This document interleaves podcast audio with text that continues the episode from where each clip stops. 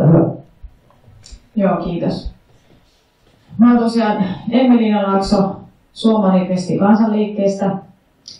Ja tää on sinänsä kiva tapahtuma ää, tulla tänne, koska mä muistelen, että viimeis kun mä ollut tässä salissa, se oli alkuvuodesta ja silloin täällä myöskin puhuttiin ilmastoasioista, vähän turpeestakin, mutta silloin oli kysymys parlamentaarisesta toiminnasta, eli tämä oli toi ää, ympäristölaki asioita täällä silloin kerrottiin. Täällä oli ministeri paikalla. Ja tänään ollaan ulkoparlamentaarinen toiminta tapahtumassa. Ja ää, tuntuu, että tälle on yhä enemmän tarvetta tälle ulko, ulkoparlamentaariselle toiminnalle nykypäivänä. Ja mä oon tosiaan äh, Suomalifesti kansanliikkeestä ja tämä on sinänsä harvinainen tilaisuus, että mä oon täällä yksin. Että yleensä meitä on vähintään toinen suomalifestilaisten ydinryhmästä mukana. Tänäänkin meille piti tulla tänne Mikko Neuvo myöskin mukaan, joka yleensä vetää näissä tapahtumissa tämän turve-tietousosion. Mutta mä tänään tuuraan Mikkoa ja koitan vetää kunnialla läpi myöskin tämän ää, tietoosuuden tästä. Eli ää, mä aloitan sillä, että mä kerron ensin ihan turvetuotannosta ja sen haitoista ja vaikutuksista ilmastoon ja ää, su- suomalaiselle luonnolle. Ja sitten lopuksi kerron vielä ihan tästä meidän Suomalivesti kansanliikkeestä. Ja lopuksi sitten varmaan on vielä aikaa sitten kysymyksille myöskin. Mutta joo, eli aloitellaan. Eli siinä on heti dramaattinen kuva. Tämä on varmaan jo nykypäivänä kaikille selvää turpeen haitallisuus. Turvetuotanto on suomalainen häpeäpilkku meidän äh, ilmastoasioissa ja ympäristöasioissa, niin tämä on semmoinen meidän suomalaisten ihan oma asia, että, että muualla Euroopassa se voi olla kivihiili, meillä se on turve. Ja tästä näkyy tuossa tämmöisellä yksinkertaisella piirakkakuviolla näette, mikä on turpeen osuus kasvihuonekaasujen päästöistä täällä Suomessa. Eli se on suuri. Tässä on myöskin äh, tehty tämmöinen Gallup-kysely. Tämä on 2019 vuodelta, viime vuodelta, mutta tässä kuitenkin käy hyvin ilmi se, äh, miten kuitenkin kaikkien äh, puolueiden kannattajat Suomessa on sitä mieltä, että turvetuotanto on haitallista ja se pitäisi sen turpeen käytöstä energialähteenä luopua. Tämä on kansan tahto.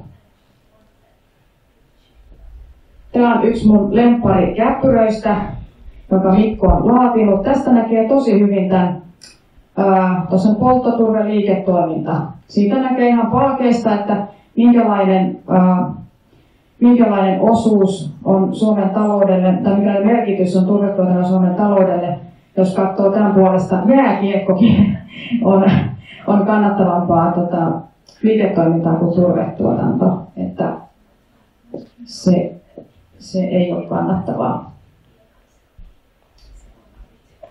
Sitten maaseudulle työtä, eli turvetuotantoalueet on pääsääntöisesti sitten ihan maaseudulla tietenkin ja, ja tota, niin sitten on ollut puhetta siitä, että mitä sen tilalle. Maaseudulle työtä voidaan saada monta eri kautta ja, ja tässä näkee esimerkiksi niin kuin tuuli, tuulivoiman osuus, että miten tuulivoimalla voidaan myöskin luoda näitä työpaikkoja. Ja tässä on myös mielenkiintoinen käppyrä, eli turpeelle myönnetyn verotuen kasvu. 2019 se koko ajan kohoaa ja kohoaa toi verotuki valtion puolelta turvetuotannolle, vaikka se on melkoisen kannattamaton toimintaa.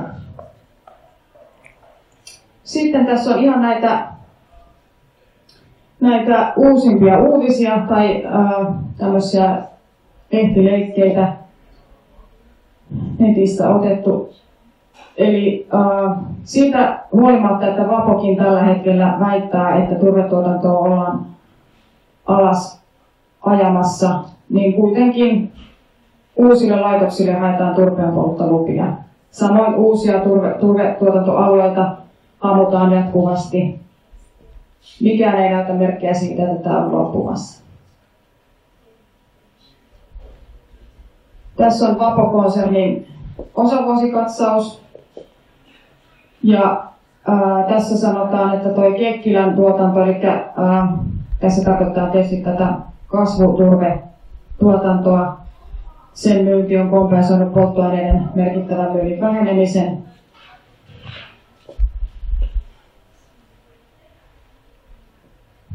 Tässä taas on ää, näitä vaihtoehtoisia tapoja, mitä voidaan tässä on äh, ruovikkoa käytetty jo. Ruokomassa estetään hyötykäyttöä puutarhan kasvualustan. Eli tämä viittaa just tuohon, että äh, turve, turvetta käytetään kasvualustana kasveille, niin se, sitä, sillä on vaihtoehtoja olemassa. Niitä koko ajan kehitetään lisää. Ja olikohan niin, että 60 prosenttia brittien kasvuturpeesta tällä hetkellä on turpeetonta tai sellaista, jossa ei ole käytetty turvetta lainkaan, eli se on mahdollista. Sitten Vapon Ilmansin aktiivihiilitehdas avattiin. Lisää tehtaita on luvassa, mutta ne voivat mennä ulkomaille. Eli kun katsoo näitä uutisia, niin mikään näistä ei näytä mitään viitteitä siihen suuntaan, että turvetuotanto ollaan lopettamassa. Se on vaan muuttamassa muotoonsa. Ja tässä Vapo on saanut Business Finlandilta 5 miljoonaa euroa uusien tuotteiden kehittämiseen suopisson biomassoista. Eli, eli tässä edelleenkin näitä uusia tuotteita kehitellään. Koska tällä hetkellä näyttää siltä, että ää, yleinen mielipide on kääntymässä ää, turpeen energiakäyttöä vastaan, niin ää, edelleenkin silti halutaan turvetta nostaa. Siitä vaan tehdään muita tuotteita.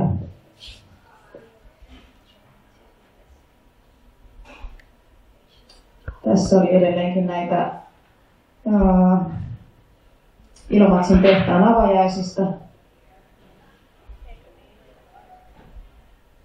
Joo, tässä oli tämä turvetuotanto-osuus. Tämä oli tosiaan tota, niin, uh, Mikon laatima tämmöinen infopätkä. Ja mä kerron ehkä mieluummin sitten uh, ihan tälleen omin sanoin, missä mennään tällä hetkellä ja, ja myöskin meidän Suomanifesti kansanliikkeestä. Eli Suomanifesti kansanliike on melkein tasan äh, nyt vuoden vanha. Me perustettiin 70.2019 Tampereella ja meidän ydinryhmään kuuluu 4-5 jäsentä, ollut alusta asti aktiivisesti mukana. Me ollaan järjestetty suoprotesti Meikkälässä, useita infotilaisuuksia, osallistuttu mielenosoituksiin, oltu aktiivisia somessa. Ja, ja tämä koko Suomanifesti idea on lähtenyt tavallaan siitä, että me haluttiin, ää, haluttiin ottaa kantaa ja vastustaa sen aikaisen hallituksen luomaa tämmöistä turvetuotantopolitiikkaa. Ja sen takia meidän Suom-manifestissakin on nämä neljä kohtaa. Eli me ei haluta pelkästään turvetuotannon energiatuotantoa alas, eli sitä, että turvetta ei enää poltettaisi, vaan me halutaan kaikki turvetuotanto alas. Ja myöskin sitten suojella suomalaisia soita sillä tavalla, että otetaan huomioon se jälkihoito. Mitä tapahtuu turvetuotantoalueille sen jälkeen, kun turvetuotanto on niissä lopetettu. Esimerkiksi soiden ennallistaminen on yksi vaihtoehto. Ja äh, muut sellaiset toimet, jolloin, jolloin turvetuotanto ei enää jatku ja ne alueet on luonnontilaisia tai muuten palautumassa mahdollisesti parhaassa tapauksessa hiilinieluiksi.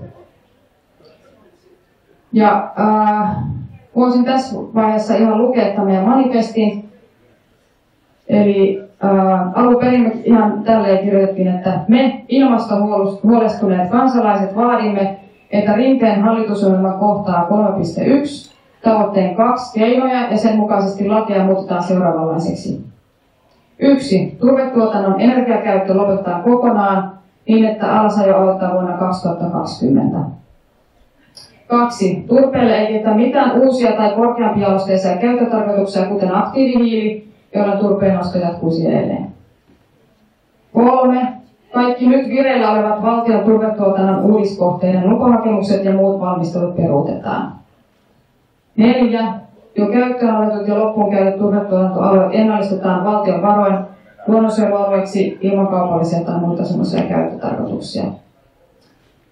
Ja ää, tästä neljännestä kohdasta me ollaan pidetty infotilaisuuksia ja muutenkin otettu kantaa, että ää, jotkut tutkimukset on osoittaneet, että suojelun ennallistaminen saattaa joskus jopa lisätä noita päästöjä, mutta, mutta kokonaisuutena ajatellen, että joskus tavallaan luonnonsuojelun ja ilmaston intressit saattaa, saattaa törmätä ja, ja, ja tota niin, siitä on ollut paljon keskustelua, onko se aina järkevää, mutta Somalifestin kanta on se, että, että ne turvetuotantoalueet, jotka poistuu käytöstä, niiden ää, jälkihoito ja suojelu on valtion vastuulla, pitää valtiovaroin järjestää. Tälläkin hetkellä Vapo myy ää, näitä käytettyjä turvetuotantoalueita, esimerkiksi metsästysporukat voi ostaa niitä omiin tarkoituksiinsa, tai kuka tahansa, joka haluaa voi ostaa Vapolta ää, vanhoja turvetuotantoalueita, mutta silloin se tarkoittaa sitä, että se ää, alueen käyttö, niin se on täysin sen omistajan vastuulla. Sillä voi tehdä ihan mitä vaan. Että siitä voi, siitä voi tehdä metsästysalueen tai pellon tai vaikka röllipuiston ihan mitä itse haluaa. Että jos se taas olisi äh, valtion vastuulla, niin silloin siihen voitaisiin myöskin ulottaa lainsäädännöllisiä toimenpiteitä. Ja sitten toi kolmas kohta, eli kaikki ää, tällä hetkellä vireillä olevat lupahakemukset tulisi peruuttaa teknisesti en tiedä miten se on mahdollista, mutta siinä on ideana se, että, että toisin kuin luulisi, niin tälläkin hetkellä koko ajan Vapo hakee uusia turvetuotantoalueita. Että jatkuvasti on suomalaiset suot uhattuna. Monissa kunnissa on valitusprosesseja käynnissä. Esimerkiksi me käytiin siellä Miehikkälässä viime vuonna. Siellä oli paikalliset ihmiset oli hyvin näreissään siitä, että oli tehnyt vuosikausia töitä, että olisi saanut paikalliset rapu- ja taimenkannat siellä elpymään.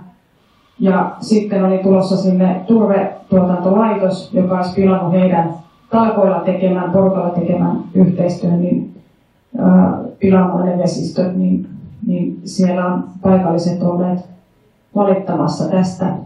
Eli äh, tässäkin on mun mielestä olennaista tässä turvetuotannon vastustamisessa ja soiden suojelussa se, että ää, käsitetään aina, että tässä on useampi taso, jolla toimitaan. Meillä on ihan ää, parlamentaarinen taso, eli se, miten me voidaan vaikuttaa suoraan lainsäädäntöön, päättäjiin, hallituksen eduskunnan ää, mielipiteisiin. Ää, eli se tavallaan se ylintaso, sitten on äh, paikallisempi taso, kunnallistaso ja sillä tasolla toimivat ihmiset. Äh, kuntapäättäjät päättää esimerkiksi äh, kunnissa, jos Vapo haluaa sinne turvetuotantolaitoksen, niin he tekevät sen kaupungin tai kunnanvaltuustossa sen ja päätäntäelimissä sen päätöksen, että otetaanko sinne semmoinen sinne alueelle. Sitten on tietysti ihan yksittäisten yksityisihmisten teot. Ja näitä voi olla ihan totta kai tämmöinen aktivismi. Ja sitten on mielestä hyvä huomata semmoinenkin seikka, että miten paljon turvetuotanto meidän tietämättä tai luomaamatta vaikuttaa meidän kaikkien elämään. Esimerkiksi Pirkanmaalla on paikallinen sähkösiirtolaitos Tampereen oliko ihan nimeltään Tampereen sähkölaitos, joo, ää, joka siis nimenomaan on se ainoa, joka siirtää sähköä. ja tota, alueella, niin, niin he käyttää turvetta kattiloissa jatkuvasti. Ja viimeksi kun katsoin sivulta, niin siellä ylpeästi ylpeiltiin, että ollaan Vapon pitkäaikaisia yhteistyökumppaneita. Eli äh, Tampereen alueessa, jos mä olen Tampereelta, niin mä en voi valita sitä, mistä mä, mä voin valita kyllä sen sähköyhtiön, mistä mä sen sähkön ostan, mutta sitähän mä en voi valita, että kuka sen sähkö mulle siirtää. Että se on joka paikkakunnalla aina tavallaan se varsin infrastruktuuri. Ja, ja mä en voi siis sillä mitään, että mun ää, sähköni siirretään semmoisen yrityksen kautta, joka käyttää turvetta. Että tämmöisiäkin tavallaan, olen sellaisia paikkoja, missä voi esimerkiksi ottaa, ottaa lehtien mielipidepalstoilla puheeksi.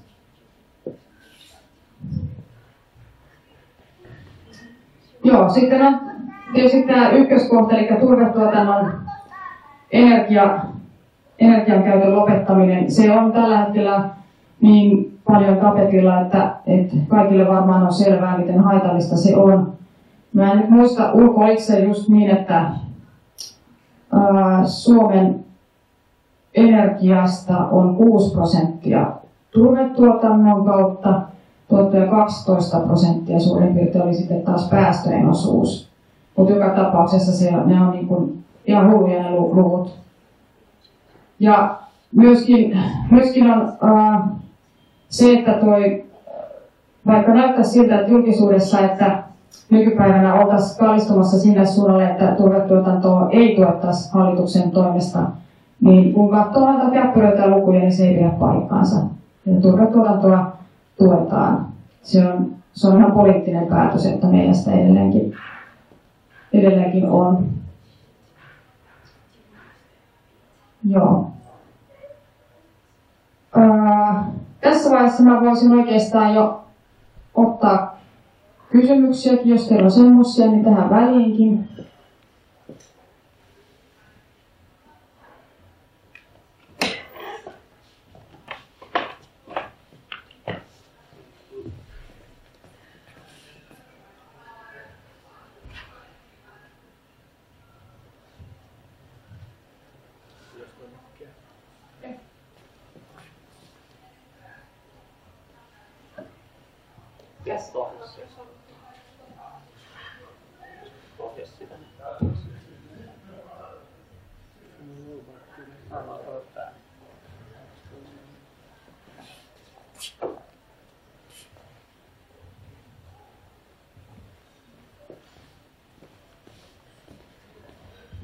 Ja, just.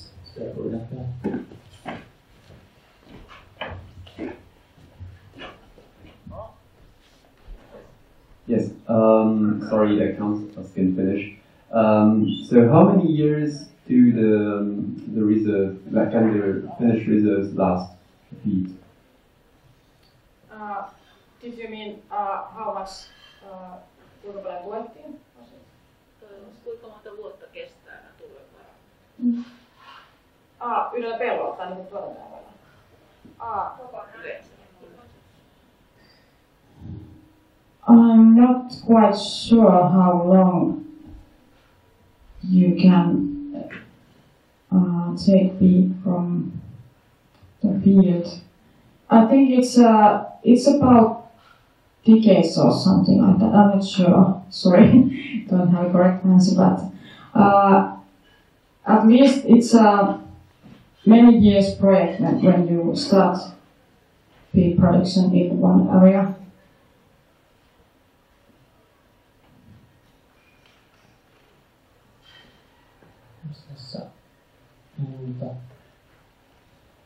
Mä voisin kysyä sillä, että niin kuin, tuli tämä ulkoparlamentaarinen vaikuttaminen niin esille, niin millaisiin tahoihin ja millä tavoilla sitten niin kuin esimerkiksi Suomi pysty pyrit, niin pyrkii vaikuttamaan?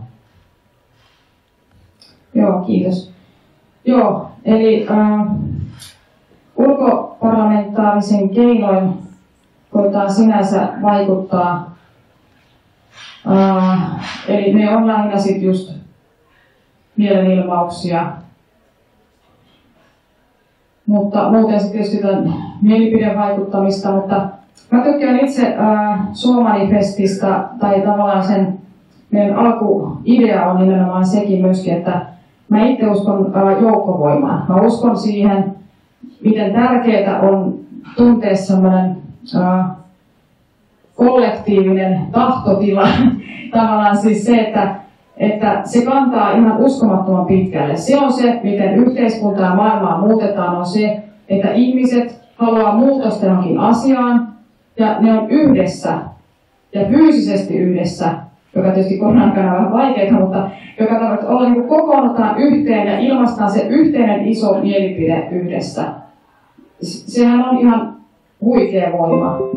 Ja tavallaan sekin on tavallaan se, että mihin mm, Somalifestissä pyritään, että ää, ei pelkästään tavallaan tämä asia, mutta myöskin se tuomaan ihmisille mm, sen kokemuksen siitä, että muutos on mahdollista, muutos on mahdollista yhdessä. Ja tavallaan sen ää, myöskin ilmastoahdistukseen tavallaan vaitteen ottaa se, että, että tehdään yhdessä asioita. Se on, se on erilaista kuin laittaa someen hashtag suomanifesti ja turvetuotanto alas, niin siitä ei tule sellaista fyysistä kokemusta, kun sä oot jonkun kanssa vierekkään ja huudat sen suuren äänen kyltin päässä. Se vaan tuntuu erilaiselta. Joo.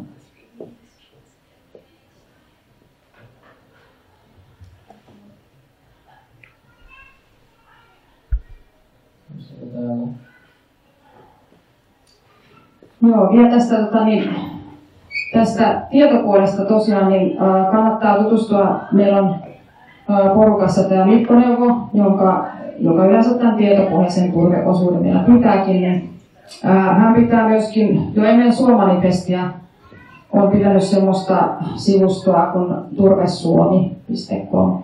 Niin, äh, sieltä löytyy paljon tosi hyviä ajankohtaisia uutisia turve, tuota, turvetuotannosta ja, ja, ja tota niin, muita hyviä juttuja.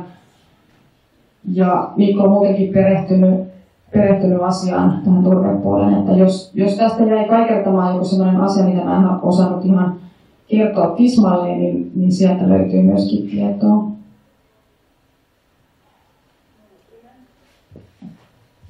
Tämä Suomi-testi teitä kollektiivinen, niin toimitteko tämä ainoastaan Helsingissä vai onko teillä silleen niin Suomen valtakunnallista toimintaa? Joo, kiitos. Ää, me ollaan itse asiassa Tampereelta lähtöisin. Ai niin, Joo. Me ää, Tampereelta, Tampereella kokoonnuttiin viime vuonna ja me saatiin yksi turkulainen mukaan, eli Mikko. mutta tota, niin, eli tämmöinen Turku-Tampere, mutta meillä on nyt tullut viime aikoina myöskin porukkaa Helsingistä, että meillä on mahtavia aktiiveja kyllä, jotka toimii tätäkin kautta. Kyllä me pyritään siis, siis ihan koko Suomessa. Ja sitten tietysti Vienikälästä meille jäi ihan mahtavia turveaktiivikavereita sitten sen suoprotestin myötä. Ja Oulussa on myöskin meidän tukijoita.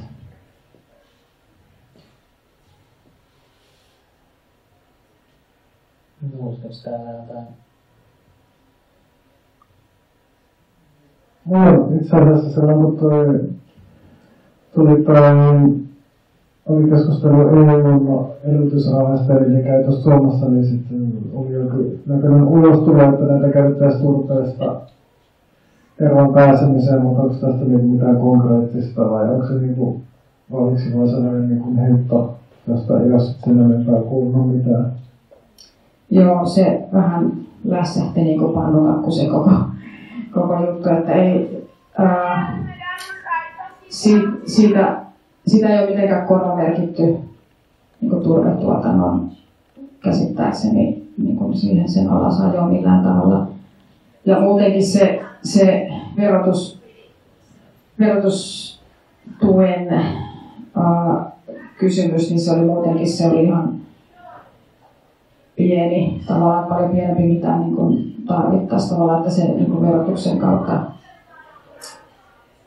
saataisiin mitään vaikutusta. Ja muutenkin, muutenkin ylipäätään on vähän semmoista ilmassa, että, että tähän asti kun ollaan ajateltu, että että mar- kyllä markkinavoimat hoitaa, niin no, kaikki tietää miten hyvin jos jätetään vaan pelkästään sillä, että, niin kun, että tota, kyllä siinä täytyy niin kun olla poliittista vahvaa tahtoa, että tämmöisiä asioita saadaan muutettua.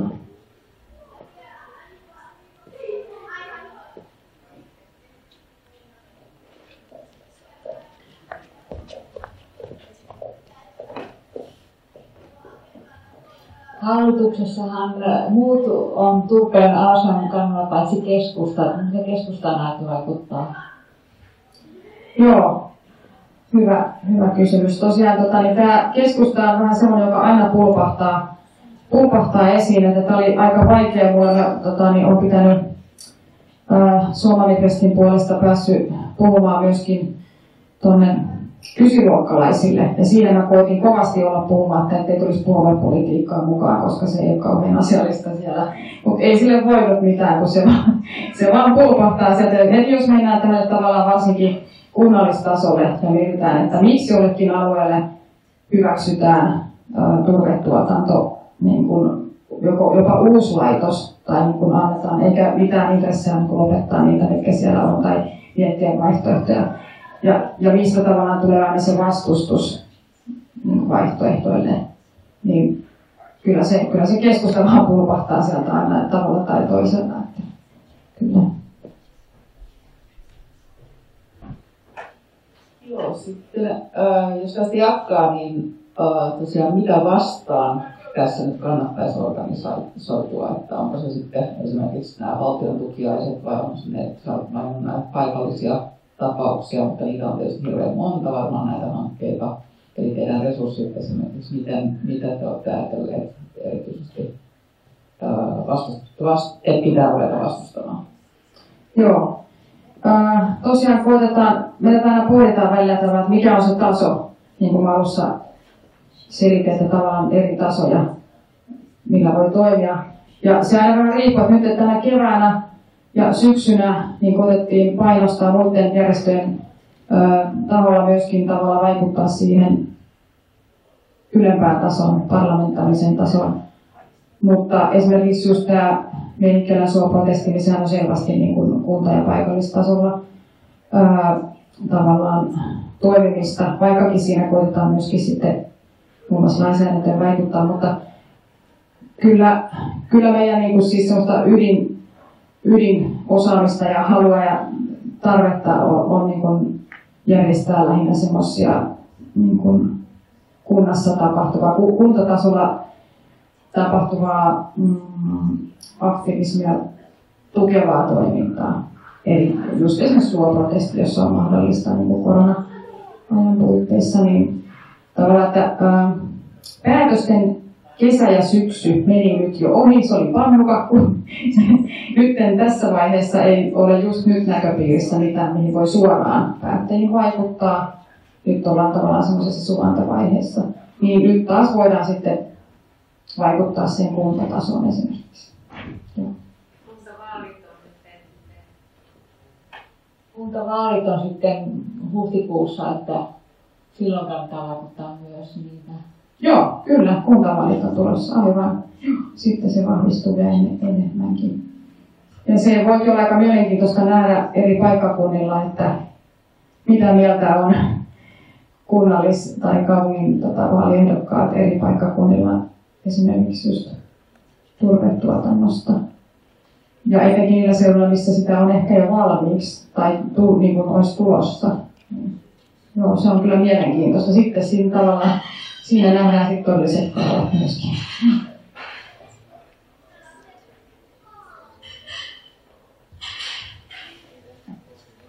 Mainitsit tuon äsken tuon yhdeksäsluokkalaisille olet pitänyt jotain, onko se sitten ollut koulutusta ollenkaan, mutta pidättekö paljon tällaista niin, kuin, niin sanotusti ympäristökasvatuksellisia jotain luentoja, koulutuksia tai sille ylipäätään niin kuin, mitä, mitä kaikkia niin vaikuttamisen keinoja teillä on, niin pidättekö paljon koulutuksia myös? just jotka ei ole vaan niin parlamentaarisella tasolla. Minkälaisia, minkälaisia kokemuksia teillä on koulutuksesta? Joo, kiitos. Se itse asiassa järjestyi ihan maanystävien kautta.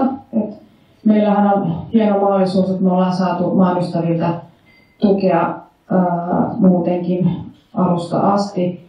Ja että on esimerkiksi auttanut meitä kustantaa esitteitä, niitä löytyy pöydältäkin vielä pari, mutta ja niin poispäin, mutta ja tämmöistä henkistä tukea. Ja sitä kautta järjestyi, maanostavien kautta järjestyi tämmöinen tilaisuus, että Tampereen Norssissa oli tämmöinen ympäristöpäivä, oli se ilmastopäivä nimeltään. Kuitenkin sen teemapäivä nuorille, missä oli järjestetty erilaisia työpajoja. Järjestöt sai sinne järjestää työpajat, missä nuoret sitten kiersi sen päivän aikana. Ja, ja tota, mä sitten osallistuin äh, parin kanssa sitten yhteen sellaiseen työpajaan. Vedettiin sellainen työpaja yhdessä. Ja äh, siinä oli Petra oli tuolta tota, niin Tampereelta ja, ja puhui omasta aiheestaan, joka koski talouskasvua ja ilmastoasioita. Ja mä vedin sitten sen Suomanifesti ja turvetuotanto.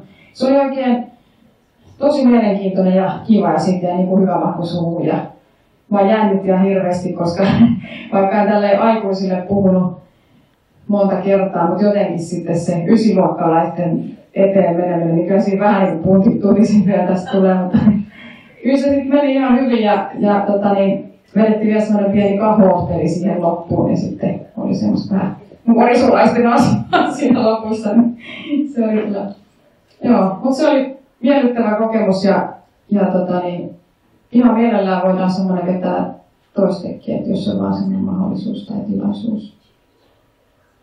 Joo.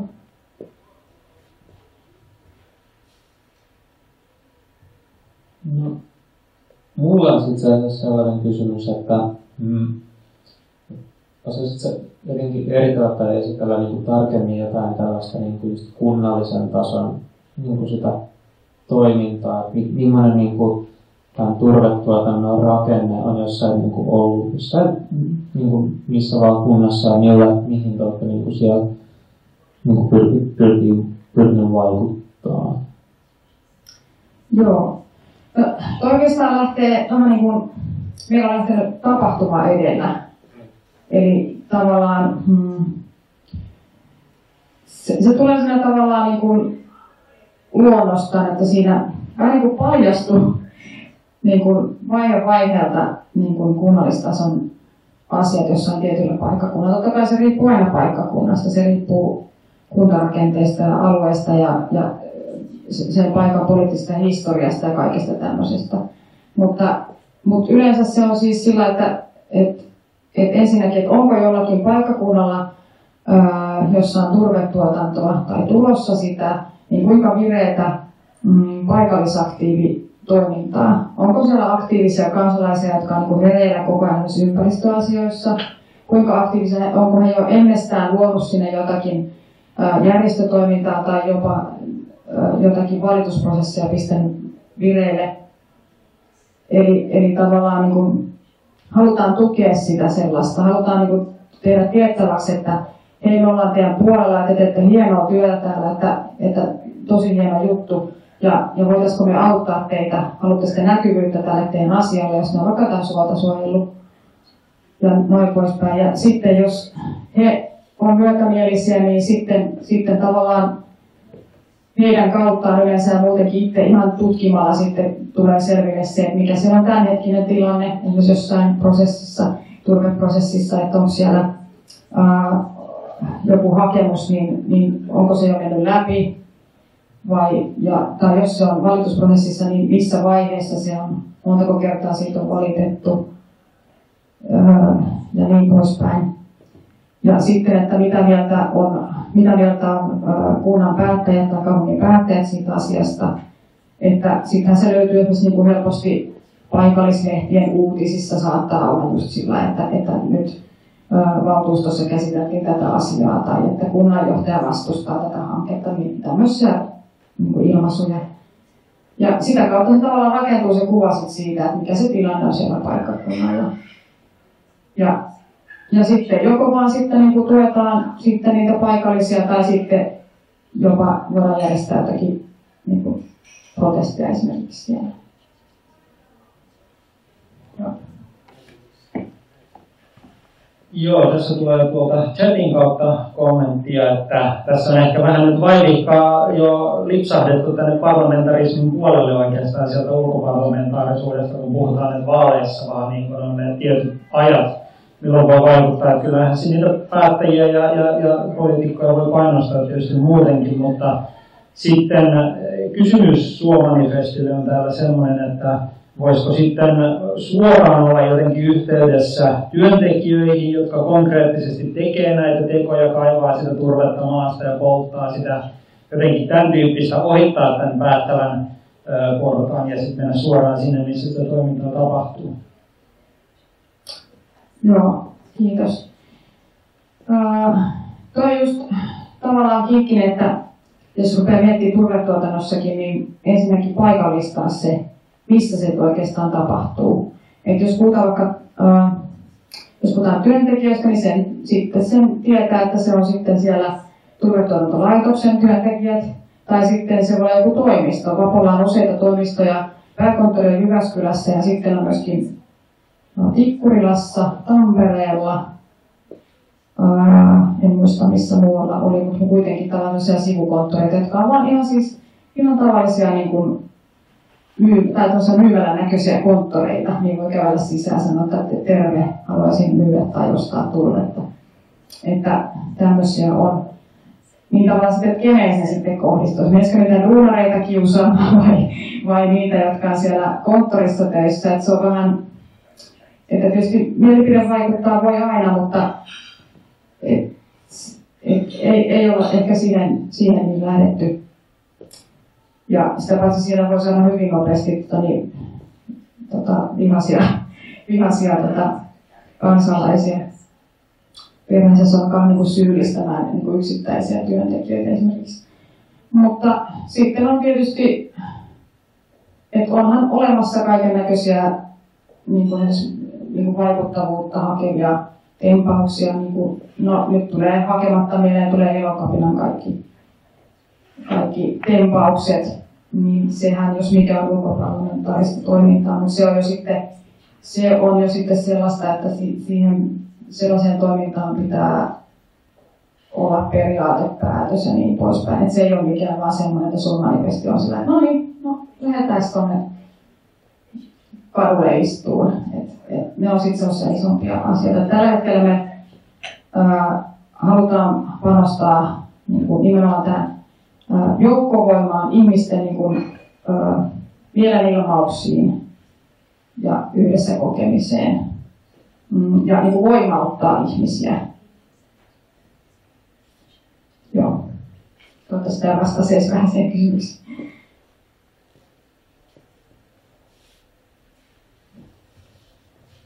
Tuohon lisäkysymys, miten tälleen korona-aikaan te olette sitten ajatellut, että tämä ihmisten voimauttaminen onnistuu ja ylipäätään mitä strategioita teillä nyt on tosiaan koronan varallu tai ollut tässä jo koronan? Joo, tämä on, tämä on kyllä surkea tilanne, tämä tota, korona, että, että tota, meillä on taas kokous ensi viikolla ja sitten taas pohditaan, että mitä semmoisia mitä, tapoja olla yhdessä voisi olla, että ollaan yhdessä, mutta ei olla yhdessä. miten tämä miten tämä toteutuu. Että, että ehkä just sit jotain pienempiä tapahtumia ja, tai sitten just tätä, että jos miettii voimauttamista, niin miten sitä sitten Nämä, nämä on isoja kysymyksiä, on joka ikinen järjestö joutuu tällä hetkellä niitä miettiä. Sitten tietysti voidaan uskallisesti vaan niin kuin suunnitella tulevaa ehkä jopa jotain tapahtumaa ja sitten vaan lähteä sillä meillä mukaan. Voi olla, että tästä ei tule mitään, mutta suunnitellaan kuitenkin, että jos joskus saadaan järjestettyä.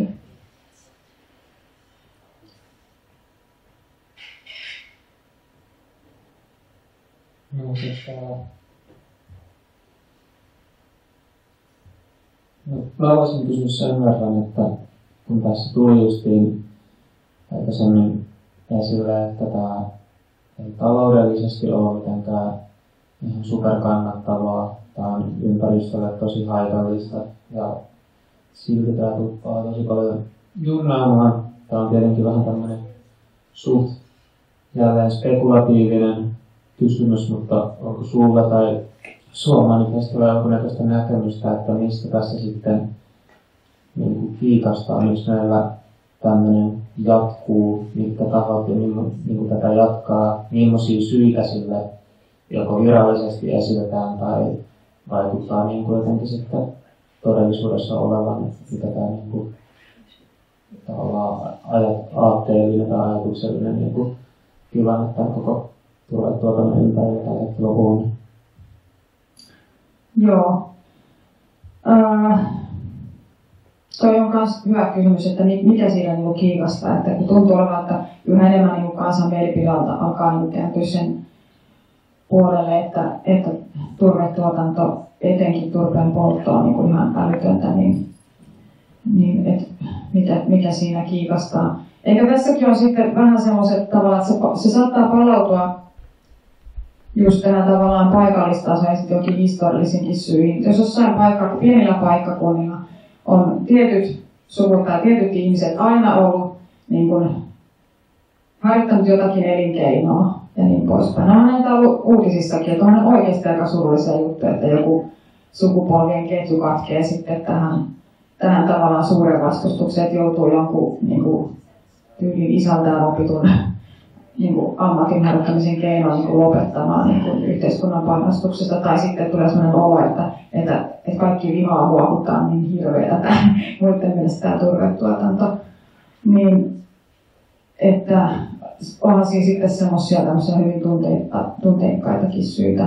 Mutta tässä kohtaa niin tota, itselle tulee vielä, että mitenkään vähättelemättä kenenkään tunteita tai mitään sellaista kokemuksia, mutta, mutta nyt kannattaa muistaa tämä aikajana sitten taas että jos ajatellaan, että esi-isien elinkeino niin turvetuotanto, jopa, no eikä ole.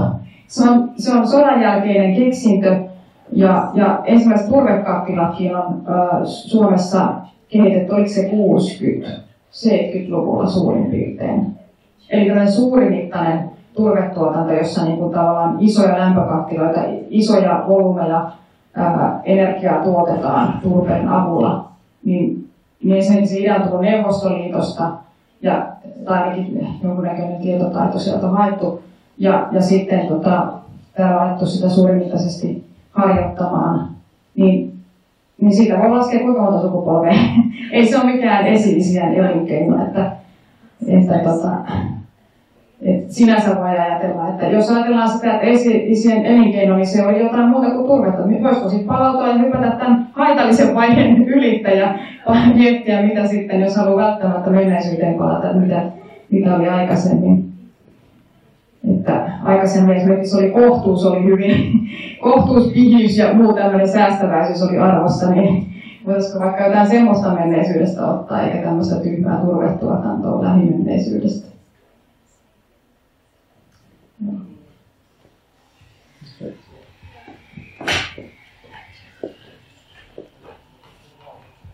Jes, tässä on ollut aika paljon puhetta nyt mun mielestä parlamentarismista ja ollaan liikuttu sillä alueella ja paljon puhuttu ää, niin kuin perheyrityksistä ja suuista, mutta onko teillä niin kuin laajempaa näkemystä siitä, miten meidän niin kapitalistinen järjestelmä vaikuttaa turpeen tuotantoon ja, ja onko se esteenä, onko taloudellisia, niin kuin, miksei, miksei niihin voi radikaaliin kantaa?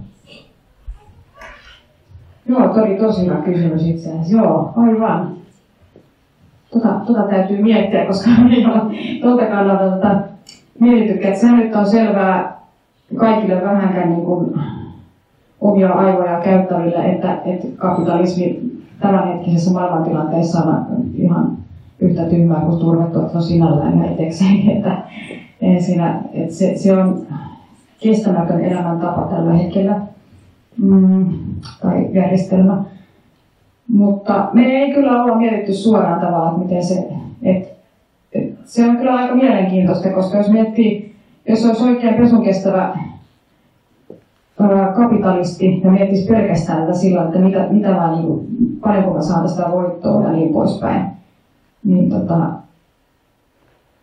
niin ehkä yksittäiselle ihmiselle, mutta, mutta aika niin kuin, siis tämmöisenä iso, isompana kaavana, niin eihän siinä ole mitään järkeä. Se on kannattamatonta toimintaa.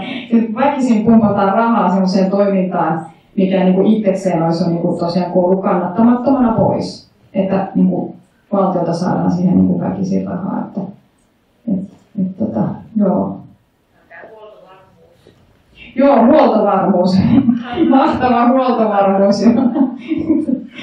Toi on kyllä. Kyllä.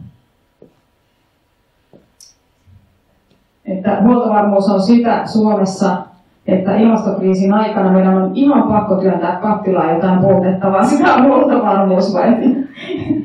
Sitä paitsi jossain noissa tiedoissa oli semmoinenkin nipperitieto, että tota toi itse asiassa turvetuotantoalueelta ei pysty sateisina kesinä niin nostaa turvetta ollenkaan. Mitä jos on kriisitilanne ja vetinen kesä, niin sinne meni sekin huoltovarmuus. Joo. Kyllä.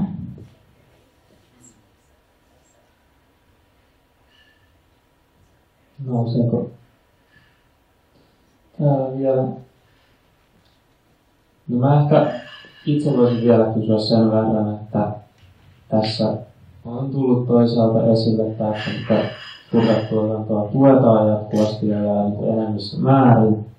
Ja sitten tällaisena jotenkin lopet, sen niin kuin lopettamisen keinoina nähtiin tällä jotenkin tukiavusteinen niin kuin al, alasajo tai tällainen jotenkin ymmärsin, niin onko tämä tällainen valtion tuella lakkautettava niin kuin, onko se se niin kuin, tavallaan keino tällä hetkellä, mitä nähdään, että tuo toiminta pystytään Suomessa lopettaa, on sillä niin kuin, jotain niin kuin erityyppisiä malleja, jotain niin kuin, kantoja sillä, että miten tuotanto kokonaisuudessa sitten pystyttäisiin ajas, ala, ja alas.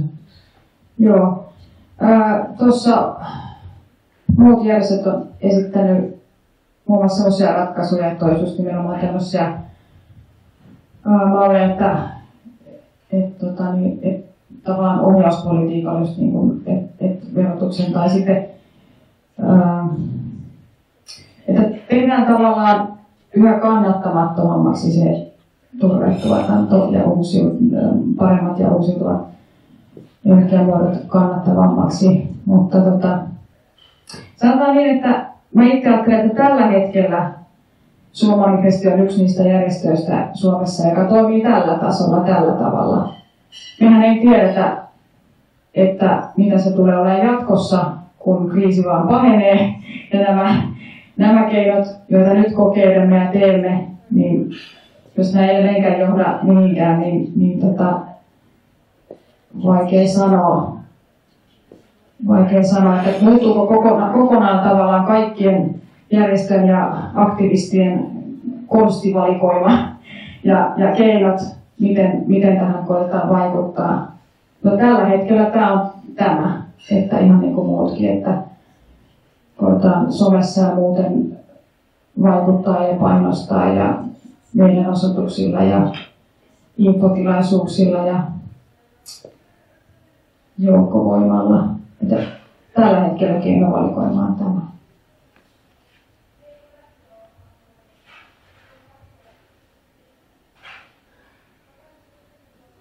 Nouseeko täällä vielä kysymyksiä tai kommentteja? Tästä